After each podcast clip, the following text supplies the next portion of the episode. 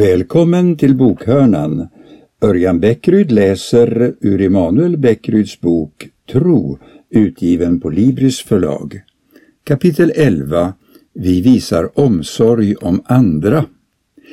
När jag börjar skriva detta kapitel sitter ett tjugotal koreanska missionärer som gisslan i Afghanistan. Enligt media är de utsända av en presbyteriansk kyrka i Sydkorea och befinner sig i Afghanistan för att i huvudsak syssla med sjukvård och jobba på barnhem. Nu har de blivit en bricka i ett internationellt politiskt maktspel och riskerar att avrättas. Talibanerna som håller dem som gisslan kräver en mängd saker för att släppa dem. I Östgötakorrespondenten den 27 juli 2007 kunde man under rubriken Missionerande kyrkor får kritik i Sydkorea läsa att 17 000 sydkoreaner verkar som missionärer i 173 länder vilket gör Sydkorea till världens näst största missionerande land. I artikeln vädras kritik mot fenomenet och en representant för Svenska kyrkan betonar att Svenska kyrkan alltid samarbetar med de lokala kyrkorna, något som sydkoreanerna anklagas för att inte göra. Att samarbeta med lokala kyrkor är helt rätt, men frågan infinner sig osökt. Vad gör man om det inte finns någon lokal kyrka att samarbeta med? Grundtanken med kristen mission är ju, som det heter i tv-serien Star Trek, To boldly go where no man has gone before. Alltså att frimodigt gå dit ingen annan har gått förut. Kristen mission spränger gränser. Naturligtvis måste missionsuppdraget utföras på ett klokt sätt, men för många verkar klokhet bara vara ett annat ord för försiktighet. De har svårt att förstå hur kristna kan riskera livet för sin tro. Missionsuppdraget kan inte utformas med både hängslen och livrem. Det finns inga garantier. Att vara missionär är att drivas av den järvhet som Anden ger. Det är att ha omsorg om skapelsen i Kristi efterföljd och med Andens kraft. Missionären är urtypen för vad som i Bibeln kallas en tjänare. Och även om inte alla kristna är kallade till att vara internationella missionärer är alla kallade att vara tjänare. Mission är den yttersta konsekvensen av ett liv i tjänst för andra. Kristen kärlek sträcker sig ut mot omgivningen. Vi ska göra gott mot alla människor, framför allt mot våra trosfränder. Som medlemmar i samma familj har kristna en speciell kärlek till varandra. Det finns något stort som förenar oss mer än något annat på denna jord. Att möta trosfränder från en annan kultur och tillsammans tillbe den treenige guden är en omvälvande erfarenhet som bara kan förstås inifrån. Kyrkan är en världsvid familj, inte en byråkratisk organisation. Men därutöver ska kristna alltså göra gott mot alla. Precis som min kärlek till min familj inte fritar mig ifrån att älska andra människor, friar kärleken i Guds familj mig inte från att älska andra. Vi är inte en navelskådande grupp utan omsorg om världen utanför. Vi har ett uppdrag att betjäna vår omgivning i praktisk handling och i detta inkluderas även ord lokalt, nationellt och internationellt. Skaparen manar oss till omsorg. Gud har skapat universum. Jag går inte in på hur skapelseberättelsen kan tolkas, utan jag nöjer mig med att fastslå att Gud skapat, inte hur. Skaparen är skapelsens upphovsrättsinnehavare. Varje liten atom är märkt med en gudomlig copyright, Gud. Man kan till och med säga att Gud har äganderätt till sin skapelse. Jorden är Herrens med allt den rymmer, världen och alla som bor i den, säger psalmisten. Som vi sett i tidigare kapitel är problemet i universum att det pågår en ett kosmiskt uppror mot skaparen och att människan deltar i detta uppror. Händelsen i Edens lustgård handlar om uppror mot Gud själv. Människan, Guds avbild och hans viceregent på jorden förklarar sin skapare krig och lierar sig med de kosmiska revoltörerna. Men Gud älskar sin trasiga skapelse och vill återknyta kontakten med viceregenterna. Att bli en kristen är att få ett förnyat uppdrag som Guds förlängda arm. Skaparen manar oss som kristna att sträcka oss ut och vara med och hela denna söndrade värld.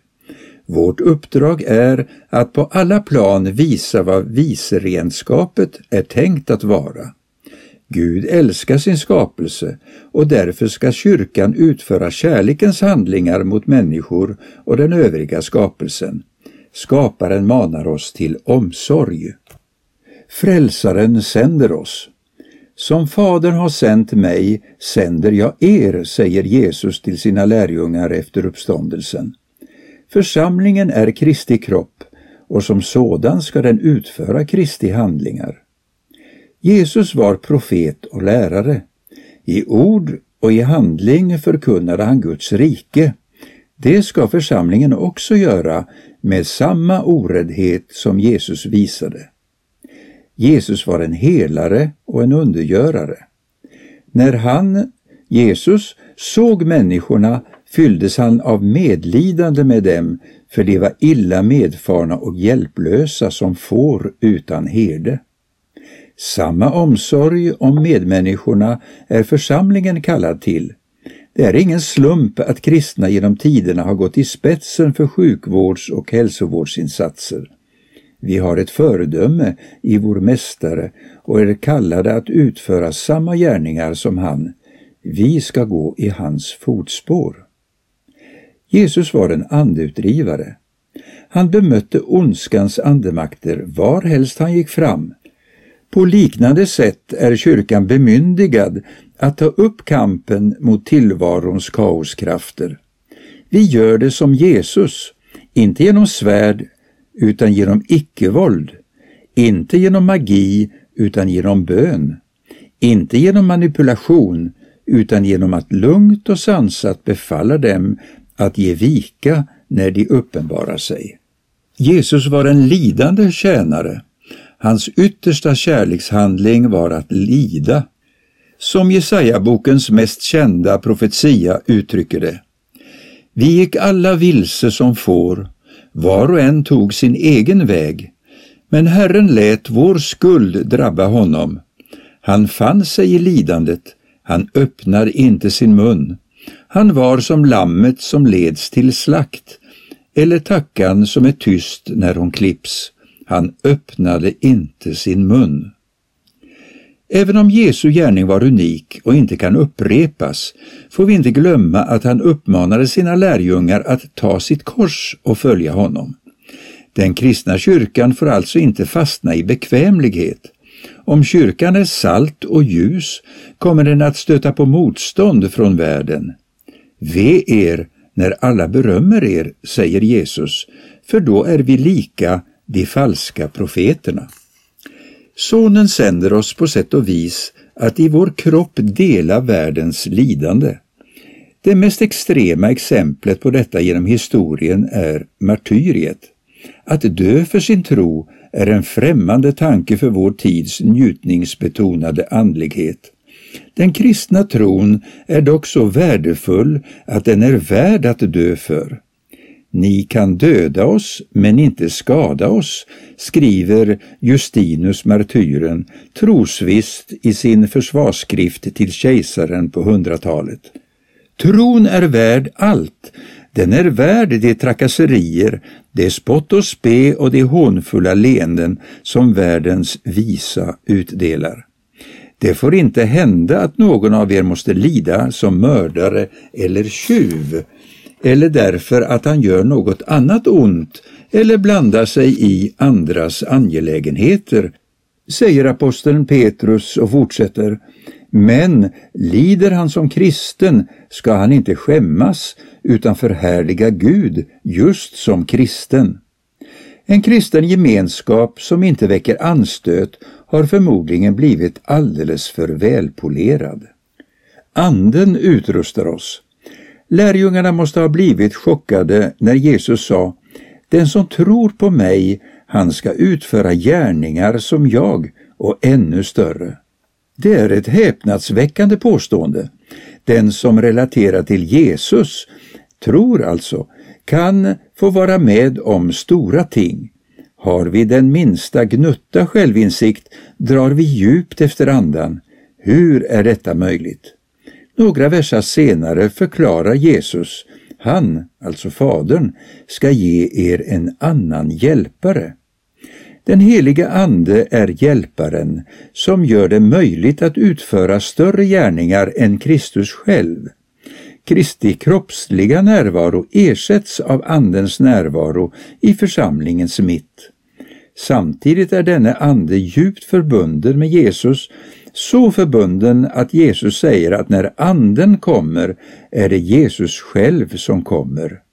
Jag skall inte lämna er ensamma, jag ska komma till er. Efter uppståndelsen förverkligas löftet om denne hjälpare. Lukas skriver att den uppståndne Jesus sade åt dem att inte lämna Jerusalem utan vänta på det som Fadern har utlovat. Det som ni har hört mig tala om, sade han. Johannes döpte med vatten, men ni ska bli döpta med helig ande om bara några dagar. Vad blir då effekten av detta andedop? Jesus lovar sina lärjungar att de ska få kraft när den heliga anden kommer, vilket kommer att leda till att de ska bli vittnen i Jerusalem och i hela Judeen och Samarien och ända till jordens yttersta gräns. Strax därefter, på pingstdagen, uppfylldes löftet, vilket vi kan läsa om i Apostlagärningarna kapitel 2. Även om Anden ger kraft är den inte bara en kraft. Anden, den tredje personen i den heliga treenigheten, är inte en opersonlig energi utan just en person. Till exempel kan anden bli bedrövad, vilket opersonliga krafter inte blir. När vi talar om anden talar vi om inget mindre än Guds personliga närvaro, skriver exegeten Gordon Fee. Och eftersom Gud är kärlek är anden en kärlekens ande. När denne kärlekens ande behärskar oss, när vi låter dessa krafter genomsyra oss, hur ska vi då kunna annat än göra gott mot alla? Kärlekens ande driver oss ut till andra. Den treenige Gudens församling är alltså en gemenskap präglad av omsorg. Vi är ett folk som sträcker ut en hjälpande hand till en behövande omvärld. Som jag skrev i inledningen är jag ingen anhängare av en skarp skiljelinje mellan ord och handling, för när allt kommer omkring är även våra ord handlingar i det fysiska rummet. Därför ser jag ingen motsats mellan evangelisation och praktiskt tjänande. Den omsorg den kristna församlingen visar sin omvärld uttrycks både med munnen och med händerna. Någon motsats finns inte. Hur kan man skilja dessa två saker åt? Hur kan den som talar om Jesus Kristus undgå att möta sina medmänniskors fysiska behov när han ser dem? Och hur kan den som försöker lindra materiell eller social nöd hålla tyst om de goda nyheterna om Jesus Kristus? Dessa två aspekter av den kristna tron hänger ihop som byxbenen på ett par jeans. Vad gör vi medan vi väntar? Kapitlen 24 och 25 i Matteusevangeliet kallas ibland för talet om tidens slut. Där finns flera liknelser som handlar om den attityd som bör prägla Jesu lärjungar i väntan på hans återkomst.